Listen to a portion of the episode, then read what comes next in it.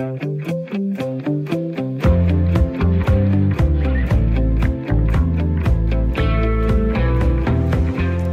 lytter, velkommen indenfor til Spørg Lægen. Eftersom det her program er helt nyt, så sidder du måske og tænker, hvad er Spørg Lægen egentlig?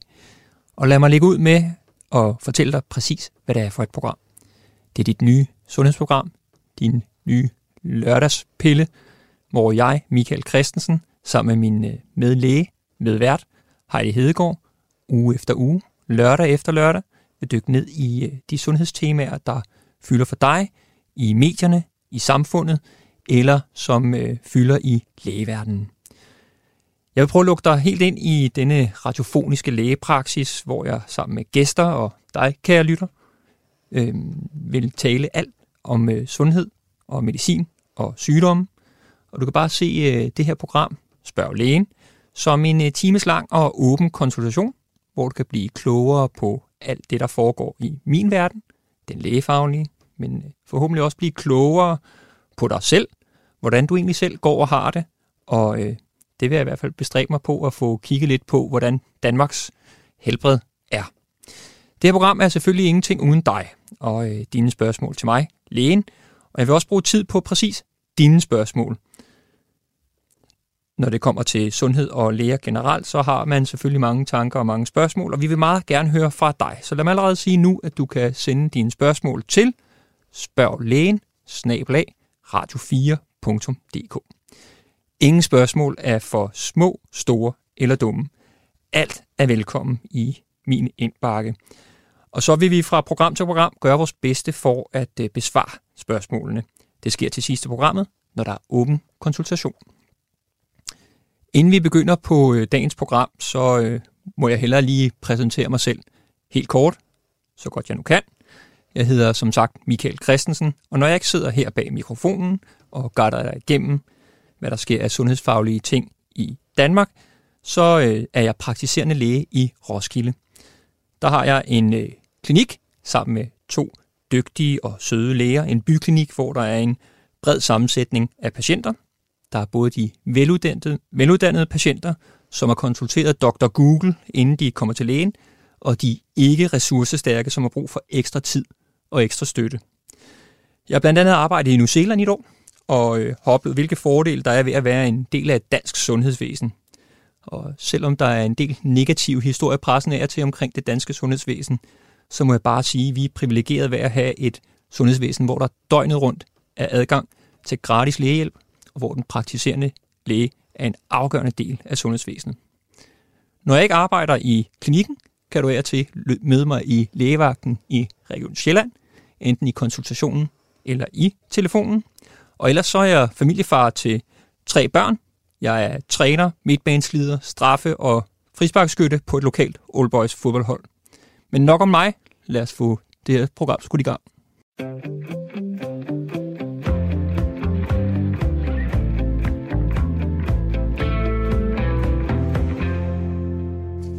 Hvert program vil vi her hos Spørg Lægen begynde med at fortælle dig lidt om, hvad der egentlig foregår i min verden. En verden fyldt af patienter, læger og medicin. Du måske selv tænkt, øh, hvad bliver der talt om, eller tænkt, når jeg lukker døren ind til lægen. Og det vil jeg fra øh, gang til gang, fra uge til uge, forsøge at fortælle dig om. Hver uge sætter man ned og reflekterer over ugen, der er gået, skriver lidt omkring mine egne øh, oplevelser, og det kalder vi jo selvfølgelig så lægens beretning. Øh, som praktiserende læge, så får jeg lov til at være en del af patienternes liv på godt og ondt. Det er et øh, privilegeret job, hvor jeg kan opleve en patient, som kommer ind og sætter sig i stolen, og som jeg aldrig har mødt før, kan bryde ud i tårer allerede fra det første spørgsmål. Jeg har patienter, som har bagt øh, kager til mig og været spændt på, at jeg skulle smage dem. Og så sidder jeg nogle gange også og bliver skydeskive for øh, et sundhedsvæsen, som ikke altid hænger sammen. Og det gør det desværre ikke altid. Derfor er det også super vigtigt, at der snart kommer et udspil omkring en 10-årsplan for psykiatrien, og jeg håber virkelig, der vil komme øh, forbedringer i samarbejde omkring de psykisk syge borgere og behandlingen af dem. For mange gange falder patienterne mellem revnerne, når øh, hverken sundhedsvæsenet eller kommunen er i stand til at hjælpe dem, eller psykiatrien afslutter patienterne, fordi de er for besværlige, eller ikke møder op til deres tider, eller bare er for ustabile. Dobbeltdiagnoser er en af udfordringerne. Og hvis man har eller har haft et stofmisbrug, så øh, oplever jeg faktisk, at psykiatrien kan være et lukket land, hvor der ikke tager stilling til det enkelte tilfælde. Øh, det er ikke altid værdigt, hvad jeg oplever. Og øh, derfor håber jeg, at der kommer flere ressourcer og muligheder i behandlingen af psykisk sygdom og de psykosociale problemstillinger. Og en sådan patient øh, har fyldt en del på det sidste i mit arbejde. Og det er trist, når øh, patienterne ikke får den hjælp, de skal have. Det der med at træde ind i folks hjem, hvor man ikke kan se gulvet, hvor bananfluerne summer, og øh, hvor der ikke bliver ydet den tiltrængte hjælp og støtte i rette tid. Det går ondt. Heldigvis er der også gode oplevelser, og at der så også er de sædvanlige ondt i halsen, blodtrykskontroller og børnediarréer, minder mig om, at der også er en almindelig hverdag i klinikken. Og så må jeg bare lige sige, at lige nu er der usædvanligt mange børn med opkast og diarré.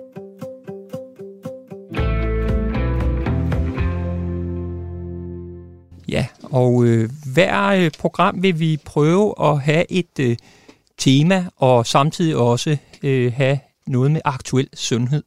Og øh, hvis der er noget, der fylder øh, for tiden, så er det øh, konflikten i Ukraine. Derfor vender vi blikket både øh, udad ned til de ukrainske grænser i dag, men også lidt herhjemme af, fordi der kommer selvfølgelig øh, en del flygtninge fra Ukraine til Danmark. Og øh, til at kigge lidt på de sundhedsmæssige udfordringer i Danmark omkring øh, flygtningene, så har vi inviteret Jan Hein Dybkær, psykolog og psykologisk leder ved Røde Kors, herind, så han kan være med til at kigge lidt på, hvordan øh, de her flygtninge kan få noget hjælp. Velkommen til, Jan. Jo, tak. Jan, øh, vil du ikke fortælle lidt om, hvad det er for nogle udfordringer, I oplever med øh, flygtningene? Jo, øh, der er jo, hver gang der kommer en øh, flygtningebølge, kan man sige, så, så, så er der jo nye præmisser og nye, øh, nye måder at skulle takle det på. Ikke? Så, så det er hele tiden sådan en, en, øh, en kamp om at justere øh, systemer og, og, og, og metoder til, til lige præcis de mennesker, der kommer. Og hvordan øh, håndterer I så de ukrainske flygtninge, der kommer nu her? Ja, øh, det går frygteligt stærkt. Øh, de, de kommer... Øh, jeg kan sige, at, at øh, da vi havde afghanerne her sidste gang, var, var der cirka 900 af dem. Og vi er stort set øh, oppe på samme antal ukrainere i asylsystemet bare øh, lige i øjeblikket. Hvilke udfordringer giver det? Øh, det giver, øh, jeg vil sige, det giver udfordringer på den måde, at vi skal skynde os at have oprettet flere centre. Øh, vi skal tilpasse kapaciteten, vi skal have ansat folk, vi skal have øh, kalibreret vores, vores ydelser i, i en fart, øh, og det gør vi. Øh, og det er klart, at, at der kan være, være efterslæb, men, øh, men faktisk så synes jeg, at, at øh, både øh, stat, kommune og, og, og de organisationer, der arbejder med, med flygtningene, arbejder rigtig hurtigt og rigtig, rigtig godt øh, ja. sammen. Kan du ikke fortælle, øh, Jan, hvordan øh, er det, I hjælper den enkelte patient eller borger? Ja, øh, altså man kan jo næsten sige, at, at når de kommer, så, så kommer de jo tit som en mængde ja. mennesker på en gang. Øh, og, og nogle gange kommer de i dråber, øh, men, men de fleste gange, i, eller i det her tilfælde, kommer de meget, øh, meget hurtigt og, meget, og mange på en gang. Øh, I går fik vi tre busser øh, fra grænsen, øh, fra en privat organisation, som havde været nede at hente øh, mennesker, som ville øh, søge asyl i, i Danmark, øh, og kørt dem op til Sandholm-lejren, hvor jeg arbejder. Ja, hvad, hvad gør man, når der kommer sådan tre busfulde? Jamen, så, så forsøger man at, at få ro på. Øh, man forsøger at give dem et sted, de kan sove. Man giver, giver dem noget mad. Man uh, sørger for, at børnene de bliver taget vel imod, at de kommer ud og lege, at de, at de altså, på, på alle planer kommer til at føle sig så trygge som overhovedet muligt. Uh, og det kan jo være lidt svært, når, når vi har en, har en, uh, et, et flow ind i lejren, kan man sige, øh, som, som overstiger det, som vi normalt har. Øh, og så derfor skal de meget hurtigt, opleve de meget hurtigt at komme videre til, til, til andre øh, centre rundt omkring i landet. Så hvordan øh, gør I det her med netop den enkelte borger? Fordi det er klart, der kan være både øh, små og der kan være stærke reaktioner, ja. og de er jo utrolig belastede nu her. Øh, hvis vi lige træder tilbage til netop det her, den enkelte, hvad gør I med den enkelte øh, borger? Øhm, det er klart, at, at uh, ligesom i sundhedsvæsenet, så er der, så er der uh, mest fokus på dem, som, som uh, har røde flag kan man sige, eller dem, som har, ser ud til at have det værst.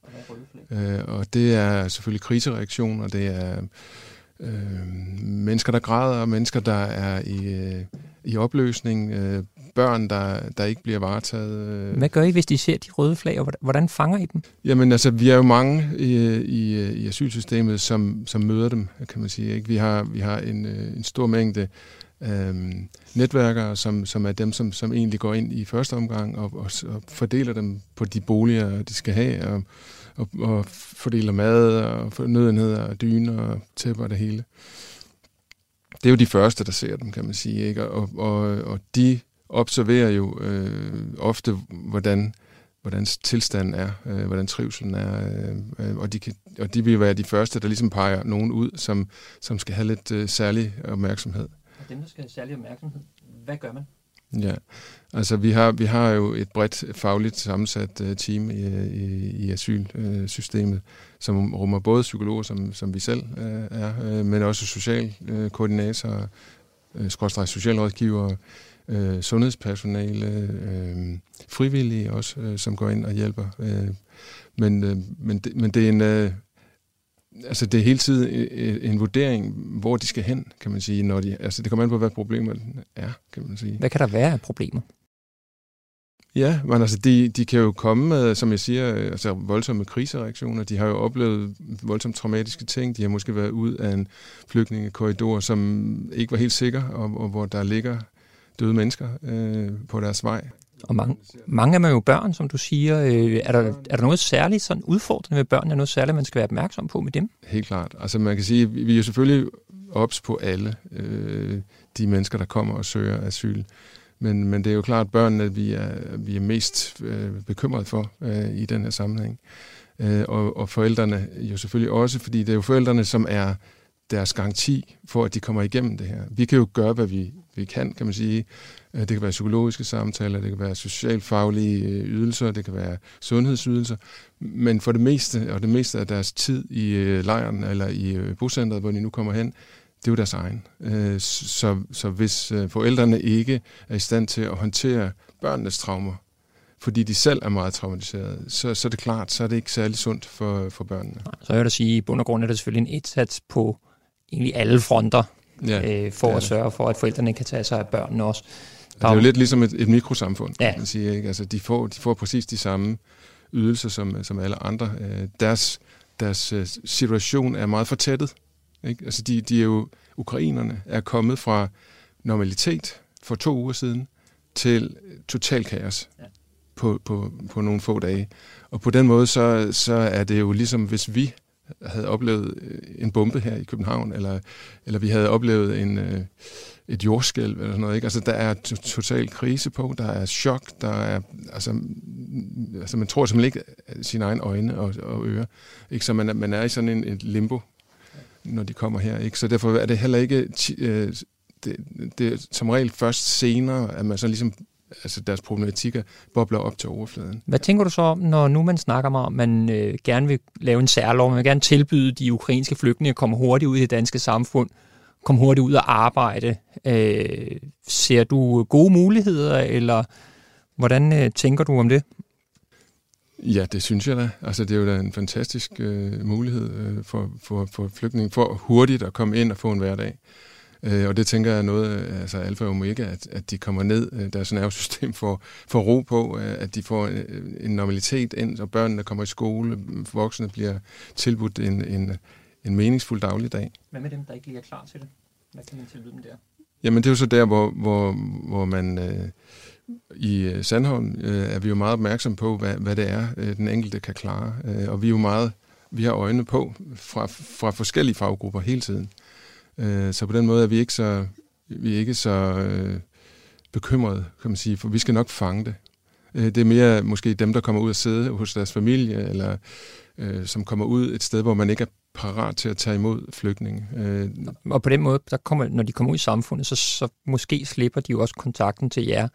Og så kan det jo være, at det bliver de praktiserende læger, altså sådan en som mig, der skal sidde og tage imod øh, folk. Og øh, er der noget specielt, jeg skal være opmærksom på ude hos mig?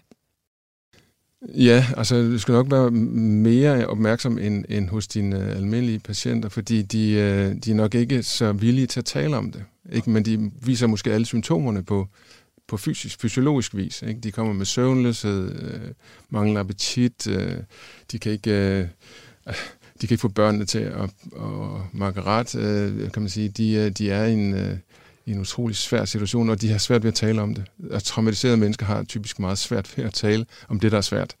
Ja, og så kommer reaktionen kommer jo også øh, kommer ikke altid lige med det samme. Nej, det gør den ikke. Nej, den kommer øh, nogle gange for skudt flere måneder. Altså, ja. Det er jo kendetegnet også med, med PTSD, tænker jeg. Ja, men, men det, det, der er det fine, kan man sige, ved, ved særloven, det er jo, at, at de går ind og får den samme behandling og den samme øh, mulighed som alle andre danskere. Øh, Øh, og på den måde, så er de jo ligestillede øh, og kan få det sundhedstilbud, som de skal, skal bruge. Ikke? Og de bliver, børnene bliver også set i, i institutioner, børnehaver, øh, skoler, altså på ungdomsuddannelserne. Altså de, de kommer jo ud og er synlige. Altså, det er jo det, man kan håbe, kan man sige. Ikke? Alle dem, der er synlige, de skal nok få hjælp. Fordi det er, det er sådan, vi er, som du også indledte med at sige. Altså, vores system fungerer faktisk ret godt. Kunsten er så at fange dem, der er usynlige.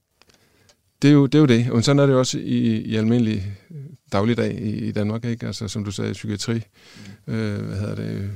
Øh, loven her, eller den, den nye psykiatri, øh, det, øh, de penge, der bliver givet til psykiatrien, forhåbentlig, skulle være med til at øge øh, synligheden af, af, af de sårbare, kan man sige. Ikke? Hvis du øh, for ligesom at runde lidt af skulle kigge på, hvad, hvad er perspektivet her over de næste par uger i forhold til de ukrainske flygtninge og, og, og flygtningecentrene og, og jeres arbejde?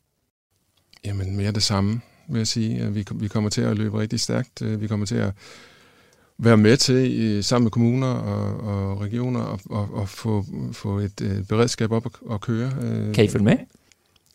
Altså det, det er jo... Øh, det er, jo, øh, det er jo spørgsmålet, kan man sige. Det er jo et godt spørgsmål, fordi altså, hvor i samfund, samfund, samfundet kan vi følge med i det, i det offentlige i virkeligheden. Ikke? Altså, så, så, så jeg vil sige, at vi gør det allerbedste, vi kan. Ikke? Og jeg synes, vi lykkes meget godt med det. Vi lykkes øh, med organerne, vi lykkes med syrerne.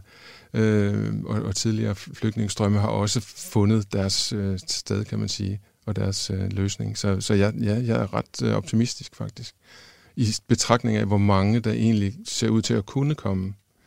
Ja. For der er jo stadigvæk 40 millioner tilbage i vi er, stadigvæk, vi er stadigvæk midt i det jo. Ja, altså, det er præcis. jo kun lige begyndelsen potentielt. Altså man kan jo håbe, de finder en løsning hurtigt. Ja. Ja.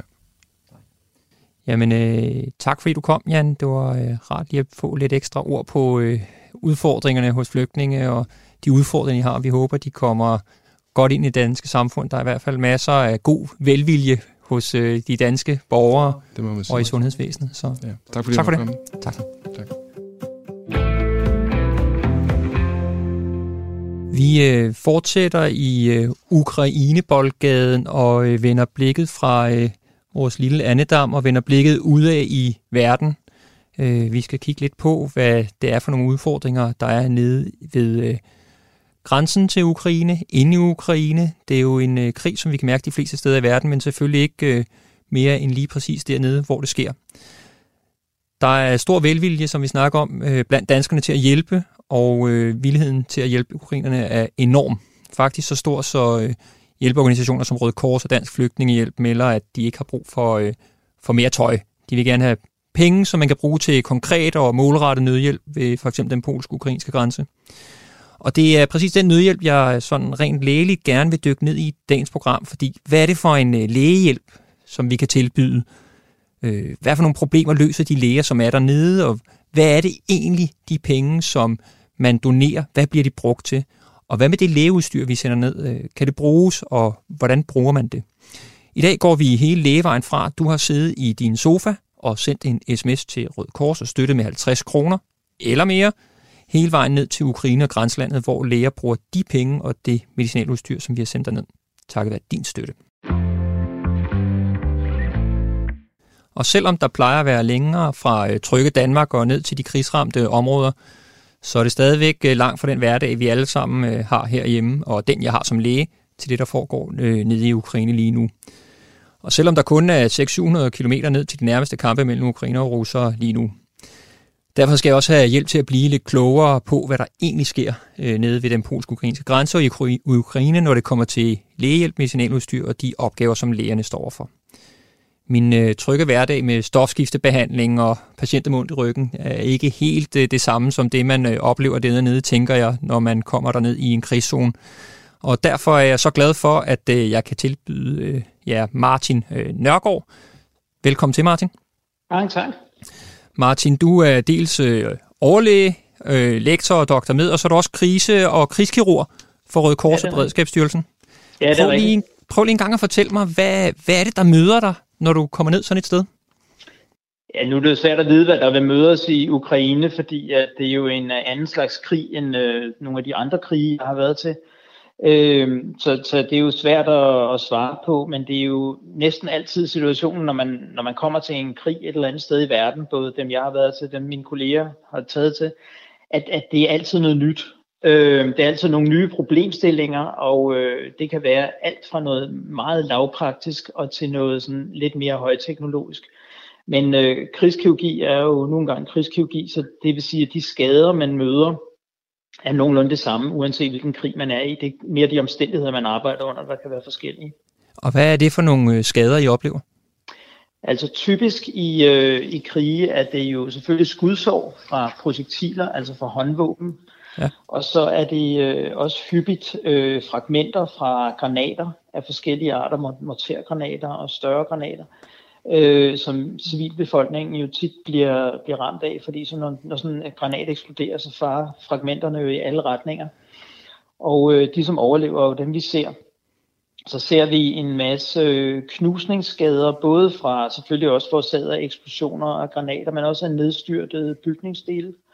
Øh, huse, der styrter sammen, det ser vi også, når vi rejser til jordskældsområder, at, øh, at de, som overlever, har fået knust øh, deres, øh, deres arme og ben nogle gange. Ja, og jeg gætter og så, på, at øh, jeres operationsforhold, de, de er langt fra, fra min opvarmede lægepraksis i Roskilde. Øh, hvordan er arbejdsforholdene? Hvordan foregår jeres øh, operationer? Ja, nu ved jeg jo ikke, hvordan der er i Roskilde jo.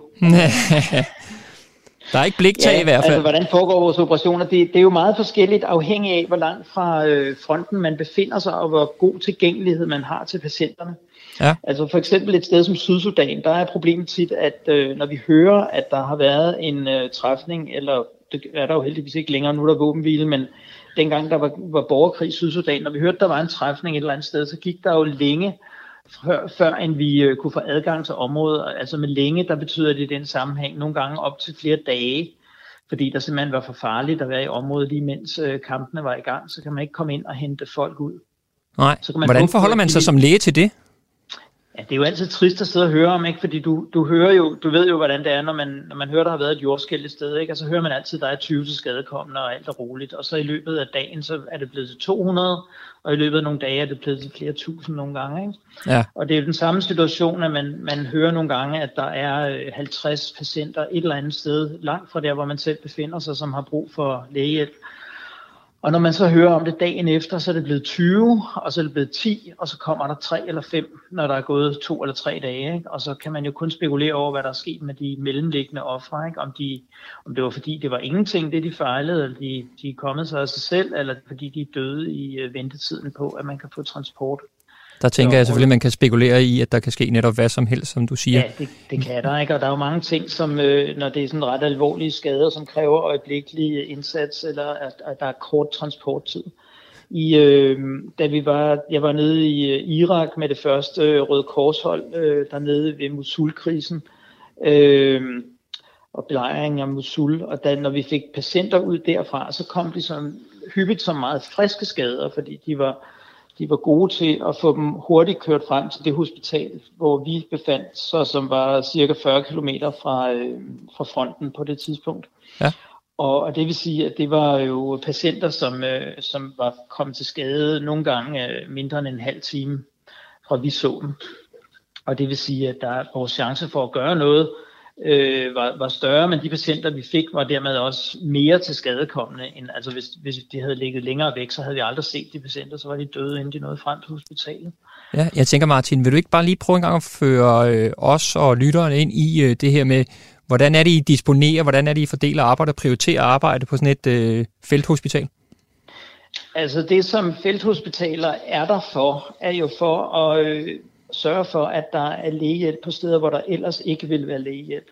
I Ukraine er situationen for tiden den, at øh, det lader til, at Ukrains Røde Kors og det hospitalsvæsen, der er der indtil videre, klarer det så godt, så de har faktisk ikke anmodet International Røde Kors om at få hjælp endnu. Nej. Men øh, det regner vi jo med sker, og formentlig også ganske snart, og øh, derfor har øh, det norske nødhospital gjort sig klar ved jeg, og jeg formoder, at det samme gælder det finske og det øh, kanadiske nødhospital, som er dem, vi normalt arbejder sammen med.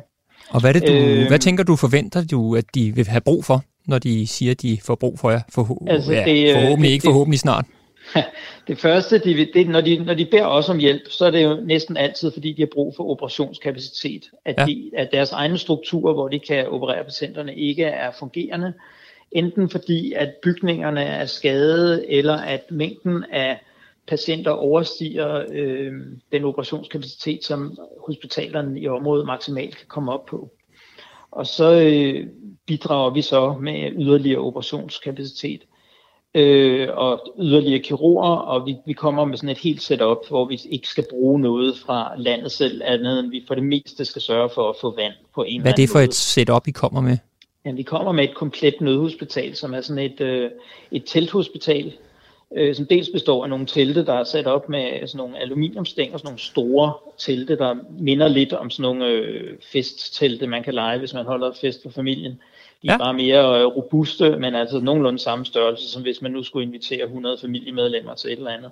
Ja. Der sætter vi en, en lang række af dem op, og så er der nogle af øh, teltene, som er sådan nogle, der, der bliver pustet op operationsstuerne for eksempel, og, og nogle af de andre øh, telt, de, de, øh, der skal bare sættes en kompressor til, så står der simpelthen et telt i løbet af cirka et kvarter 20 minutter. Sådan, sådan og det, jeg forestiller mig, at det kører rimelig effektivt, og det har man prøvet ja, før. Ja, altså det, det, øh, det er meningen, at sådan et hospital, øh, når det kommer fra Røde Kors, så skal det kunne sættes op på 72 timer, hvis ellers man har et sted at sætte det op. Og så er ready to go. Det, der er den, den største udfordring er at finde et velegnet sted, hvor der både er god transport til, og hvor øh, at der er nogenlunde fladt og ikke alt for mudret, øh, så man kan sætte det op der. Men øh, Beredskabsstyrelsen, de øh, har, et, øh, er jo, har jo lige lavet et felthospital, som ja. er det eneste danske felthospital, vi har, som er sendt derned. Og ja, vi har doneret det derned til jo er blevet doneret, men uden personel, fordi personellet er jo Beredskabsstyrelsens øh, personale, som ikke kan være i området, fordi så vil det pludselig involvere en øh, NATO-operation. Ja. Er der øh, noget andet, de mangler dernede, Martin? Øh, hvad det ved jeg, de jeg ved jo ikke, hvad de mangler dernede Nej. lige for tiden, men jeg kan jo forstå på det hele. Forleden dag, var det ikke i går eller i forgårs, de sagde, at der var 61 hospitaler dernede, der ikke var fungerende, sådan som de ja. egentlig skulle være. Og, og hvor meget af dem, der så fungerer, det ved jeg ikke, og jeg ved heller ikke, hvad de mangler udstyr. Men det er jo tit sådan, at man i de her situationer løber man tør for forbindinger og antibiotika og nål og tråd og instrumenter og alt muligt. Øh, og i det hele taget kapacitet til også, når man har brugt udstyr, meget af det udstyr, vi bruger, er jo genanvendeligt, så det skal autoklaveres, altså det skal steriliseres, når vi er færdige med at bruge det. Og kapaciteten med at autoklavere udstyr, det kan også være en begrænsende faktor, øh, når der er rigtig mange patienter. Ja, så vi er helt nede i, i de praktiske opgaver også, ikke? Det er jo ikke kun ja, det, det lægelige. Det er meget, det er meget lavpraktisk. Ja, og det er næsten nogle gange, tænker jeg, det kan være noget af det, der ligger begrænsninger på, fordi jeg tænker, at når man tager afsted som personale eller som læge, så vil man gerne yde, men, men der er selvfølgelig mange faktorer, der spiller ind på, at øh, man skal kunne levere det stykke arbejde, som du kan med, med dine hænder. Ja, lige præcis. Og det, øh, det handler jo også om, hvad for noget udstyr man er vant til at bruge. Nu er det jo, som kirurg, der bruger vi jo noget ret gængs udstyr, som er det ja. samme de fleste steder i verden. Men øh, vi har jo den regel i Røde Kors, at vi for det meste, eller generelt set, så vil vi kun bruge vores eget udstyr og vores egen medicin, fordi det ved vi øh, er noget, der virker. Vi kan ikke øh, altid, øh, når vi rejser rundt i forskellige lande, vide, at det medicin, vi kan købe lokalt, at det rent faktisk har den effekt, vi forventer, det har. Øh, så derfor har vi vores eget øh, medicin med hjemmefra og tilsvarende vores eget udstyr. Ikke? Har I samarbejde med de lokale klinikker eller sygehus? Øh, det er hyppigt sådan, at når man sender lægehold ud med Røde Kors, altså benytter man de strukturer, der allerede er til at indrette operationsstuer i, fordi det er jo langt bedre at have et hus, øh, næsten et hvilken som helst hus, hvis bare det er nogenlunde tæt, end det er at, at operere i et telt. Øh, så kan man gøre det, så, så benytter man det, og man gør også tit det, at man opgraderer hospitaler, som er vant til at lave anden kirurgi til at være krigskirurgiske hospitaler. Det er jo i de færreste lande, hvor øh, kirurgerne er vant til at lave krigskirurgi, og det er jo det, Røde Kors skal bidrage med, at vi kommer læger, som er trænet i at lave det. Ja. Øh, mens øh, for eksempel i, i Mosul der var et meget godt eksempel, der kom vi ud til et hospital, der var vant til at lave primært øh, ortopædkirurgi, altså brækkede arme og ben, og ja. obstetrik, altså fødende kvinder og gynækologi. Og så lavede de en lille smule mavetarmkirurgi en gang imellem. Men hver gang de så, eller hver gang der kom en patient til, som var øh, skadet i, øh, i krigen, så, øh, så vidste de ikke rigtigt, hvordan man behandlede det. Og det var det, vi kunne hjælpe dem med. At dels øh, ved selvfølgelig selv at operere nogle patienter, men også ved at, at træne de lokale kirurger. Så du står jo som, øh, som, som hjertekar, hjertekarkirurg, øh, Martin, og så står du også dernede og, og laver kejsersnit og, og hjælper noget i den dur? Ja, altså til, når jeg er hjemme, så er jeg jo primært hjertekirurg, men når, ja. øh, når jeg er ude med Røde Kors, så er jeg jo alt andet end hjertekirurg. Der, man kan jo ikke lave hjertekirurgi nogle af de steder der. Så der har jeg jo heldigvis, den, det, det, i gamle dage hed den basale kirurgiske uddannelse, ja. som almen kirurg, og det vil sige, at jeg kan operere tarme, og så har jeg så op, øh, hvad hedder det, trænet med ortopædkirurgerne, så jeg også kan lave noget ortopædkirurgi og amputere og sådan noget, og trænet med obstetrikerne, så jeg kan lave kejsersnit. Ja. Og alt den slags bliver man jo nødt til at lære, før man rejser afsted. Det er jo ikke, øh, det er, det er jo ikke stedet at lære, kan man sige, når man er i en, i en nødsituation. Nej, der skal man være skarp. Der skal man gerne kunne det hjemmefra i hvert fald. Ja. Og nogle gange må man jo også indse, at det kan godt være, at der er nogen, der er bedre til at lave det her, end, end jeg er, men jeg er den, der er her, og jeg er den eneste, der er her i mange situationer. Ikke? Så må man jo bare gøre det så godt man kan. Ja. Martin, øh, jeg kunne godt tænke mig, at vi øh, prøver at bevæge os bare en lille smule øh, videre i forhold til at kigge lidt på, nu har vi snakket om, at der er nogle super stærke lægefaglige ressourcer, man kan komme ned med. Hvis vi skal kigge på, øh, på det medicinaludstyr og de ressourcer, som vi i øvrigt sender ned, øh, apropos det her med logistik og, og praktiske forhold. Øh, for det første så har vi jo rimelig dårlig erfaring med, at vi sender noget medicinaludstyr øh, udenlands med, med de der respiratorer, vi sender til Italien, som ikke rigtig kan bruges til covid-behandling. Øh, hvad, hvad tænker du rent, rent øh, udstyrsmæssigt? Hvad sender vi til Ukraine? Altså, jeg ved jo ikke øh, præcis, hvad der er blevet sendt afsted, sådan som det er lige nu, om der er sendt andet end det, jeg ved for, øh, findes i Beredskabsstyrelsen, og øh, som Røde Kors vil sende ned på et, et tidspunkt. Øh, og det er jo ret basalt øh, kirurgisk udstyr, som fungerer, og som ikke kræver den, den helt øh, store ledvogtereksamen at anvende. Øh, det, som er, øh, som er det væsentligste udstyr i forbindelse med kirurgi, det er altså kirurgen selve, selve de utensilier, man sender afsted, det er jo ret meget standard ting. Ja. Og den der sag med det, altså man kan, nu siger du, at vi har dårlige erfaringer med at, at sende udstyr afsted. Jeg tror, vi har en erfaring, som ja. har været dårlig, ikke? som var ja. nogle respiratorer, og hvor man ja. må sige, at øh, der var ikke nogen læger med ind over den beslutning. Nej, det er nok det, der er fejlen. I, i Forsvarsministeriet, som tænkte, at det må da være bedre at have en respirator, end at have ja. ingen respirator, og det er jo sådan set en meget fornuftig tanke. Øh, man var så ikke tilfreds med de respiratorer. Det var vist nogen, der skulle have været skrottet for længst, og som slet ikke er dem, som forsvaret selv anvender. Men, øh, men det var en helt anden sag, som jeg ikke kender detaljerne i. Nej. Men der men, er jo i hvert fald masser af udstyr, man har brug for nede i Ukraine nu i hvert fald. Så jeg tænker også, hvordan, hvordan disponerer man de penge, der kommer ind øh, til Røde Kors? Altså, hvordan, hvem har overblikket? Hvem bestemmer? Øh, hvem, hvem siger, hvad der skal ske? Ja, det, det er jo et godt spørgsmål, hvem der, hvordan det lige præcis foregår i Røde Kors, for der sidder selvfølgelig folk på øh, hovedkontoret for Røde Kors i Danmark, ikke på Blejdomsvej, og der sidder International Røde Kors i Genève, og, og de øh, koordinerer jo, hvad der skal gøres af indsatser, og øh, det bliver normalt sådan, at de, de store operationer, som det her øh, vil være, hvis, hvis Røde Kors på et tidspunkt rykker ind i Ukraine, hvilket vi da formoder, vil være den del af Røde Kors, der hedder ICRC, som er krigs- og konfliktdelen af, af organisationen, mens den anden del, altså Røde Kors Federationen i FRC, de nok vil tage sig af øh, flygtningestrømmene og mm. det behov, der eventuelt kan være for mm. nødhospitaler uden for Ukraine. Mm. For de bevæger sig normalt ikke ind i konfliktzoner. Det er ICRC, der gør det. Ja. Og øh, så er det jo sådan, at når man er i sådan en, en situation, som, øh, som Ukraine er i nu, at, og der kommer en masse humanitære organisationer for at hjælpe, så laver øh, FN nogle, øh, det der hedder nogle clusters, som koordinerer, hvem der gør hvad, hvem laver øh, hvem sørger for, at der er mad, og hvem sørger for vand, og hvem sørger for transport, og hvem sørger for helbred og alt sådan noget. Og vi går ind under det der, der hedder Health Cluster i den sammenhæng. Så det bliver koordineret normalt af en FN-organisation, hvor alle så byder ind med det, de kan. Ja, er der, noget specielt gange, som, øh, er der noget specielt som Danmark som land er gode til at, at byde ind med i den sammenhæng?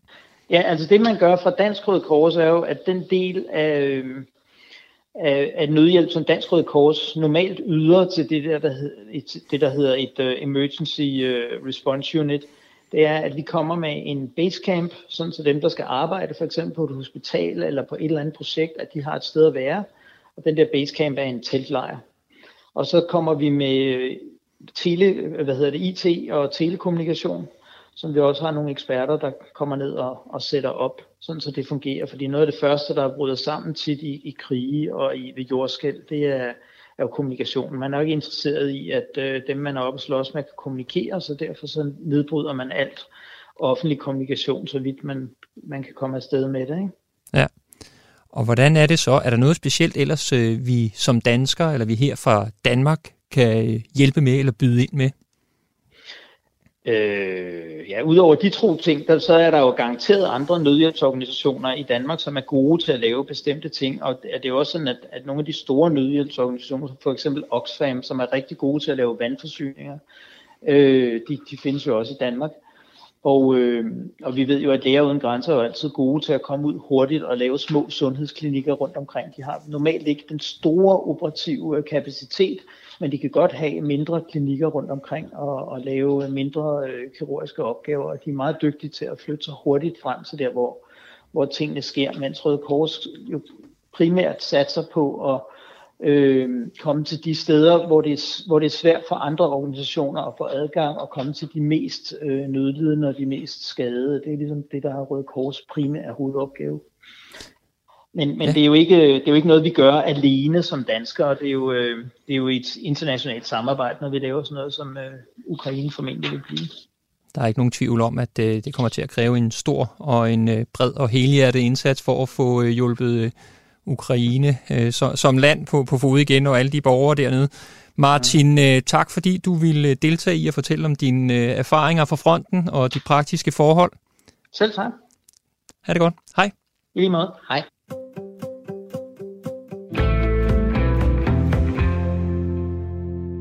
Og i forlængelse af vores øh, tema omkring Ukraine og situationen, det er jeg nødt til lige at sige noget.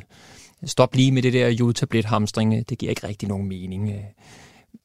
Jeg vil lige prøve en gang at forklare, hvad det er for noget, der sker. Når en atomulykke så øh, sker, kan radioaktiv jod blive spredt ud i luften og på den måde komme ind i kroppen og skjoldbruskkirtlen. Og det er sådan, så din skjoldbruskkirtel, som, som sidder her på halsen, den skældner ikke mellem det radioaktive jod og det andet jod, som man indtager med jodtabletter. Den optager bare det, der er. Så ved at man indtager jodtabletterne, så skulle det teoretisk være sådan, så det er blokeret for den radioaktive jod. Øh, sådan så man ikke fik en øget risiko for for eksempel kræft. Til gengæld er vi så langt væk øh, fra det mulige udslit, at det slet ikke giver mening. Og desuden er mængden i tabletterne så lille, at dem man køber i håndkøb ikke hjælper. Man skal have højdosispiller, skal tages på det rigtige tidspunkt. De indeholder faktisk op til 600 gange mere jod, end øh, dem, som folk øh, lige nu i hvert fald køber ude i håndkøb. Samtidig er der risiko for forkert indtag af jodtabletterne. Det kan give stofskiftesygdom. Skal vi ikke aftale, at hvis situationen ændrer sig, så skal Beredskabsstyrelsen og myndighederne nok råbe højt og sætte tiltag i værk. Så vent lige med at køre øh, jodtabletterne ned og brug pengene på noget andet, der er rigeligt at bruge dem på. kommet til det i programmet, hvor jeg for alvor har åbnet døren ind til min lille radiofoniske lægepraksis, som er Spørg Lægen. Jeg har nærmest sparket døren op, eller måske helt fjernet den, så der netop er plads til alle dine spørgsmål kan komme herind til mig, og jeg kan hjælpe dig så meget som muligt. Ingen spørgsmål er dumme, for små eller store. Jeg vil nemlig lige meget spørgsmålet forsøge at få det besvaret. Til gengæld så bliver jeg nødt til at bringe en rettelse, inden vi kommer ind på, hvilke spørgsmål det for eksempel kunne være, at du vil stille mig. For i begyndelsen af programmet nævnte jeg, at du altid kunne sende dine spørgsmål og tanker til radiolægen her, og det kunne du gøre til mailen spørglægen radio4.dk. Det er simpelthen forkert. Det beklager jeg selvfølgelig. Hvis øh, jeg skal kunne invitere dig ind i det lille radioværksted her, så du kan få stillet dine spørgsmål, og der har været en lille smule forvirring omkring vores mail, så vil jeg rigtig gerne have, at du sender dine spørgsmål til øh, sl radio4.dk. Det er simpelthen dumt med en mail, der hedder spørg lægen, eftersom der både er ø og e, så mailen er ikke spørg lægen radio4.dk, men i stedet sl radio4.dk. Altså S for spørg, L for lægen, og så tager vi den lige for aller sidste gang, så den er malet helt på væggen. Mailen er sl radio4.dk. Nå, tilbage til konsultationen. Hvad kunne du spørge om? Det kunne jo være, at du går og døjer med et eller andet. Har du svært ved at tabe dig, eller er du i tvivl om, hvad du skal gøre for, at din øh, fodsvamp ikke vender tilbage? Du kan sende dit spørgsmål helt klassisk ved at skrive en mail. Men hvis det kan være lidt svært at forklare, det bare er nemmere at fortælle om dine udfordringer, så kan du også optage eller indtale en besked og sende den til vores mail. Det er om muligt endnu bedre. Her er de første programmer, hvor du ikke har haft tid eller mulighed for at sende os spørgsmål, så har jeg i dag valgt at invitere min producer Oliver med ind i studiet, for at vi skal kunne blive lidt klogere på, hvad det kunne være for nogle spørgsmål, som man kom med til mig. Værsgo, Oliver. Tak skal du have, Michael, og tak for, at jeg lige må komme med ind. Selvfølgelig. Michael, som du øh, selv lige så fint har sagt, så jeg, jeg vil også gerne have lov til at sige det, sl radio4.dk. Vi tager den igen. Det gør vi nemlig. Det er mig, der sidder øh, klar til at modtage folks mail. Så tænkte jeg bare, Michael, øh, når du praktiserer en læge til daglig, så er ideen jo, at man kommer op til dig og har en masse spørgsmål til dig det jeg så har siddet og tænkt lidt over, det vi to har talt om også, det er, at der, der er jo en helt særlig type spørgsmål, som du får som læge, som jeg synes, vi godt kan tale om lige kort, fordi det også måske kan give noget inspiration til, hvad det er for nogle spørgsmål, folk kommer med. Helt sikkert. Dørhåndtagspørgsmålene. Lige præcis, dørhåndtagspørgsmålene.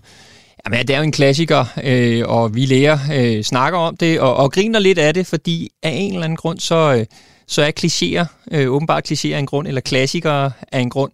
Og det er jo det her med, at folk kommer nogle gange med, med et spørgsmål i konsultationen, og når den så er ved at være færdig, og de i øvrigt har rejst sig, måske taget øh, knappet skjorten og taget jakken på, så, øh, så står de der med hånden på dørhåndtaget, så siger de, forresten nu hvor jeg lige har dig, eller noget i den dur, og så kommer der et eller andet spørgsmål. Og det er som regel måske endda det spørgsmål, som jeg tænker, er det i virkeligheden det, de er kommet for? Får du den fornemmelse? Ja, det kan jeg godt have nogle gange, og, og specielt er det jo ikke sjældent mændene, der har et eller andet med. Der er en eller anden lille dagsorden, hvor de måske er blevet sendt i byen med et eller andet, og så har de kommet med en, en, en knæ, knæskade, en gammel skavank, og så pludselig så handler det også om noget helt andet. Og øh, det er jo fuldstændig legiti- legitimt at komme med spørgsmål, øh, så, så man behøver ikke det. Det er selvfølgelig en lille smule øh, træls som læge, når man tror, konsultationen er overstået, og man er, man er på vej videre med, og så videre. Men, men det er jo fair nok, og man kan sige, at de spørgsmål bærer jo præg netop af nogle gange, at det kan være en lille smule mere privat, eller en lille smule mere sådan nogle ting, som, som de måske var en lille smule flore over at spørge men nogle gange kan det også være faktisk, de tænker, at det er nogle petitesse-spørgsmål. Det er jo ikke sjældent, for eksempel, det kan være en plet på huden. Nej, okay. Øh, Øh, det kan selvfølgelig også være noget lidt mere intimt, men, men det er ikke sådan nogle sjæl, sjældent gang, sådan, hvor de siger, at det er lige et eller andet, hvor de faktisk måske alligevel er ret bekymrede. Altså hudkræft for eksempel, eller sådan nogle ting. Så derfor så øh, er et, øh, et dørhåndtagsspørgsmål, det er ikke altid helt enkelt, og det er ikke altid helt simpelt. Og der er vi nogle gange nødt til lige at sige, halløj, kan du ikke lige vende om, og så sætte dig i stolen igen, for det bliver vi faktisk nødt til at snakke om. Hvis du har tid til det, tænker jeg. Nå, men man bliver nødt til at tage, tage sig tid til det, hvis man, hvis man skønner, at det er nødvendigt. Ikke? Altså man kan sige, det er klart, en plet på huden kan vi se rimelig hurtigt på. Øh, nogle gange så siger man, så må du lige booke en ny tid, fordi det her skal jeg da høre mere om. Hvorfor er det, du ikke sover, eller er du stresset, eller hvad er der, der sker? Og nogle gange så er man simpelthen nødt til at bede mig om at sætte sig ned og sige, prøv altså du kan ikke gå ud af døren og sige, så har du haft noget trykken i brystet øh, de sidste tre dage. Øh, så er man nødt til ligesom at sætte sig ned og lige starte forfra. Og så tænker jeg, Michael, det sidste, jeg gerne vil tale med dig om, som jeg også tænker kunne være en, en type spørgsmål, som øh, jeg måske forudser, at vi får på, på mailen, som jeg skal sidde og kigge på. Det, det finder også sted ude i den virkelige verden. Han har sagt, ikke at din lægepraksis ikke er den virkelige verden, men det er, at øh, at man kommer ind og taler om nogen, der fejler noget, men som ikke rigtig er en selv. Altså forstår du, hvad jeg mener? At man kender nogen, der måske har døjet lidt med det her og sådan noget, men i virkeligheden så handler det måske om en selv. Op, optræder det også når, ved lægen? Ej, jeg synes faktisk, det, øh, at folk er, føler sig trygge når de er inde hos mig. Så det der med, at øh, jeg har en ven der, øh, det synes jeg faktisk ikke, jeg oplever. Og mit job er jo faktisk i virkeligheden også at bore i det og få, få åbnet folk op. Altså, og jeg synes faktisk, at, at folk er gode til at åbne op. Altså, det her med, at de får sagt de ting, de føler, eller måske får sagt ting, som de ikke har sagt til andre, selvom de ikke kender mig. Øh, så jeg synes faktisk ikke, det der med vennen, det optræder ikke. Jeg synes generelt, at folk er rigtig gode til at åbne op og fortælle. Er der noget særligt tabubelagt, altså som du oplever? Skal jeg være helt ærlig? Nej, det synes jeg faktisk ikke. Og, og, og det tror jeg også, altså folk er klar over, at hos den praktiserende læge, det er et fortroligt rum. Jeg har tavshedspligt, det gør jeg også øh, meget ud af at fortælle. Så, så jeg oplever faktisk ikke, at der er noget, der er, er alt for tabu til at snakke om. Det er klart, hos nogle mennesker, så føler de, at det er lidt mere forkert eller pinligt eller tabu at spørge om. Men lige så snart de har spurgt, så kan de jo også mærke på mig, prøv at det her, det her bliver håndteret professionelt. Altså, der er jo ikke nogen øh, ting, som, man, som er dumme at spørge om, så, så jeg oplever faktisk ikke, øh, at det er et problem. Du var lidt inde på det før, Michael. Jeg vil bare lige høre, er det tit sådan nogle lidt tabuiserede emner, måske, der, der bliver dørhåndtagsspørgsmål? Jamen, det, det er egentlig både og, fordi vi har både de lette og de enkle og de små spørgsmål, som nok er den, er den egentlige dagsorden. Og så er der selvfølgelig også nogle gange de her lidt private, som, som det kan være rejsningsbesvær, det kan være nogle andre ting. Men, men jeg vil sige, grundlæggende i, i vores konsultationer i klinikken, og det er jo også det, jeg håber, øh, vi også kan få indført her. Præcis. Så er det jo, at alle emner er, er åbne og tilgængelige, og man kan stille alle de spørgsmål. Der er ikke noget, der er for privat eller pinligt inde hos mig. Altså, det er jo det er, det er jo et rum, hvor alt er tilladt, og hvor man kan snakke om alt. Og det er jo det fantastiske ved det med den fortrolighed, og, og man kan sige, at jeg bliver inviteret indenfor i, i folks privatliv på den måde. Det er så fantastisk, og det er præcis det rum, vi nemlig gerne vil skabe her. Så jeg tror også, pointen er bare, eller vi skal måske bare sige, dørhåndtaget spørgsmål, dem modtager vi også gerne på, øh, på mailen, som altså er sl-radio4.dk. Michael, prøv lige tak fordi du lige satte en ord på det. Jeg håber, det har givet noget inspiration derude. Så ved jeg, at du har, øh, du har en masse andre spørgsmål med, ikke? Ja, lige præcis. For øh, jeg har øh, valgt at tage lidt spørgsmål med fra min egen praksis, og så måske et par spørgsmål fra dem på redaktionen, som øh, ikke er helt øh, uddannet læge øh, som mig selv. Måske øh, har de læst lidt på Dr. Google, men det er så, hvad det er. Måske kan det give lidt inspiration, så øh, lad os prøve at kaste os øh, ud i spørgsmålene. Vi starter med, at det er en af mine patienter med forhøjet blodtryk spurgte mig om kaffe. Han havde øh, diskuteret med sine kolleger, om kaffe kunne give forhøjet blodtryk. Og øh, studier viser, at kaffe ikke øger risikoen for forhøjet blodtryk. Altså det kan give en øh, kortvarig øh, blodtryksstigning lige efter indtaget. Men så længe man holder sig på et, øh, skal vi kalde det moderat indtag på 2-3-4 kopper om dagen, så sker der ikke noget. Faktisk viser det sig, at øh, cirka 3 øh, kopper filterkaffe dagligt kan sænke risikoen for flere forskellige hjertekarsygdomme. Og anbefalingerne siger faktisk filterkaffe eller pulverkaffe, og ikke øh, kogekaffe eller espresso shots og stempelkaffe eller alt det moderne stas, øh, som i nogle undersøgelser har vist sig at kunne øh, øge LDL-kolesterolen, også kaldet det ledekolesterol. Og øh, forhøjet LDL-kolesterol, det har sammenhæng med hjertekarsygdom, så måske er det tid til, at øh, filterkaffen får sin renaissance. Og nogle øh, indvender, at måske er det fordi kaffedrikkere faktisk er lidt andet folkefærd, og dermed at der er noget sundhed i det. Men øh, om ikke andet, så kan man jo med lidt ekstra god samvittighed nyde sin kop kaffe på sådan en øh, lørdag middag. En anden af mine patienter kom med migræne, og jeg havde faktisk bedt hende om at komme op til mig, da jeg kunne se, at hun indløste sin anfaldsmedicin lidt for hyppigt.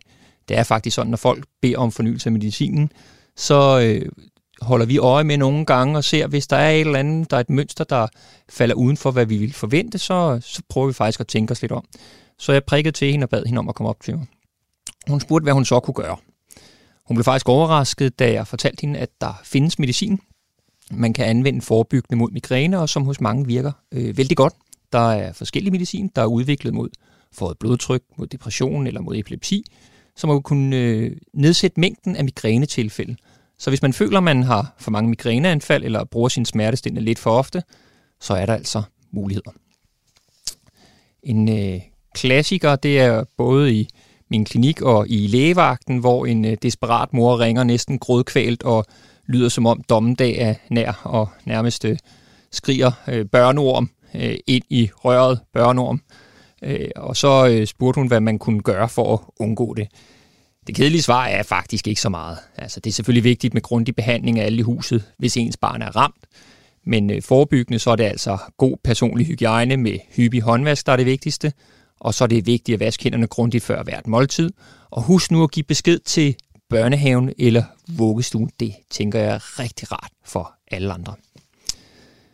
Så er der nogen, der har øh, spurgt om deres barn, og at øh, de oplever, at det kan blive så vredt og skrige så meget, så hun ikke kan få vejret og faktisk besvimer, og om det var farligt. Øh, det hedder affektkramper, og det er en godartet tilstand, som kan virke rigtig skræmmende på forældrene. Der findes både blå og blegeanfald, altså man bliver helt blå eller sådan rød i ansigtet, eller man bliver helt bleg, og anfaldene bliver udløst af nedsat blodtilførsel, og dermed nedsat tilførsel af ild til hjernen, og så mister barnet jo bevidstheden, Og selvom de ser farlige ud, så er de faktisk uskyldige. Barnet kommer ikke til skade og dør ikke af anfaldene. Man skal gøre mindst muligt ud af anfaldene, men selvfølgelig være til stede og tage sig af barnet. Prognosen er god. Barnet vokser øh, fra det. De allerfleste er fri fra det, der hedder effektkramper i fireårsalderen. Og det er faktisk heller ikke påvist, at tilstanden betyder, at barnet har en større risiko for at få andre sygdomme, som for eksempel epilepsi. Så er der øh, nogen, der også har snakket om pletter for øjnene, og øh, der er nogen, der snakker om det, der hedder flyvende myg. Men hvad pokker er det for noget?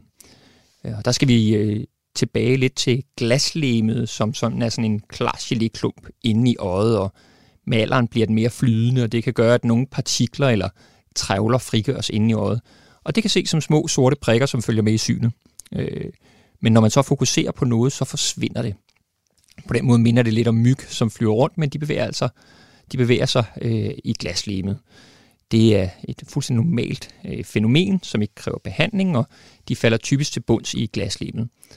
Man øh, behøver kun kontakte læge, hvis man oplever mange flyvende myg, hvis der er lysglimt, hvis synet bliver sløret, eller det er som om, der kommer et rullegardin ned. Det kan for eksempel være et eksempel på sådan noget som nethenløsning for eksempel. Så havde jeg en patient heroppe i øh, klinikken for nylig, som øh, havde den tvivlsomme fornøjelse at opleve, hvordan det er at have helvedesild.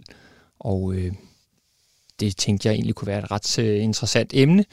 Så jeg vil egentlig fortælle, at helvedesild det er jo egentlig en øh, reaktivering af skoldkoppevirus i din hud. I ved, skoldkopper, som vi jo øh, Øh, de fleste af os har haft som helt små, øh, med de her øh, små blære. Øh, og når man har haft skoldkopper, så kan virus faktisk trænge ind langs næverne, og så ligger de der i dvale øh, nær rygmagen. Og når man så bliver ældre, eller hvis man bliver svækket i immunforsvaret, man kan faktisk også se det ved stress, så kan det vandre ud igen langs en bestemt nerve, og så giver det udslæt i det område, som den nerve ligesom forsyner. Og Som resultat så kommer der udslæt med rødme og blære, og øh, der kan komme en brændende fornemmelse, og det kan gøre rigtig ondt. Øh, det kan starte med lidt utilpasset hovedpine, muligvis lidt feber end udslettet. Heldigvis, øh, for lægen i hvert fald, så er udslættet meget øh, karakteristisk og nemt at stille diagnosen på sammen med sygehistorien. Det er godt smidt med skoldkopvirus til andre, øh, som hvis de ikke har haft skoldkopper, så kan få det. Det er ikke fordi selve helvedesild smitter med helvedesild. Ved helt lette tilfælde, så nøjes vi med smertestillende, men der findes faktisk også en antivirusmedicin, som vi typisk bruger hos de ældre. Øh, det er typisk plus 50, beklager. Øh, ved store udbrud øh, hos immunsvækkede personer, og særligt hvis der er udbrud ved øjet. Så findes der faktisk en vaccine mod helvedesild, som er godkendt til patienter over 50 år. Så tal eventuelt med din øh, læge om det, hvis du har tanker om det. Helvedesild er sædvanligvis ikke en farlig eller livstruende sygdom, og forsvinder igen, men kan som sagt give nogle længerevarende smerter i det område, der har været angrebet. Jeg har øh, også tit øh, fået det spørgsmål om, når jeg prikker et barn eller en person i fingeren omkring øh, det her infektionstal. Det er noget, der øh, bliver brugt relativt hyppigt i øh, de praktiserende lægers klinikker. Men hvad er det egentlig? Øh, det kaldes en CRP, eller et C-reaktivt protein, som er et protein, der bliver lavet i leveren, og det stiger, når der er skade i kroppens væv, som for eksempel ved betændelse i kroppen, men det kan også være ved andre sygdomme, og det er derfor en lille smule uspecifikt. Vi kan bruge det til at holde øje med aktivitet i bestemte gigtsygdomme eller tarmsygdomme, men vi bruger det øh, typisk øh, til at hjælpe os med at skelne mellem, om en infektion skyldes bakterier eller virus, vi ved jo, at virus øh, ikke skal behandles med antibiotika, mens øh, vi bruger det øh, ved øh, bakterielle infektioner. Derfor er det en god hjælp i visse tilfælde for lægen, men man behøver ikke tage det hver gang, for som læge så har vi relativt stor erfaring i tingene, og derfor så kan vi godt stole lidt på os selv. Det var lige et par eksempler øh, på spørgsmål fra både den virkelige verden i min lægepraksis og et par spørgsmål fra dem her på Spørg Lægen-redaktionen. Men øh, med det blev det slutningen på denne udgave af Spørg Lægen. Jeg håber, du er blevet klogere på den øh, lægefaglige situation i Ukraine, og at du kunne lide, hvad du har hørt. Tilbage er der ikke andet end at sige endnu en gang og minde om, at du kan sende dit spørgsmål ind til os på sl radio4.dk. Og så glæder jeg mig bare til, at jeg skal sende et program igen til jer. Rigtig god lørdag.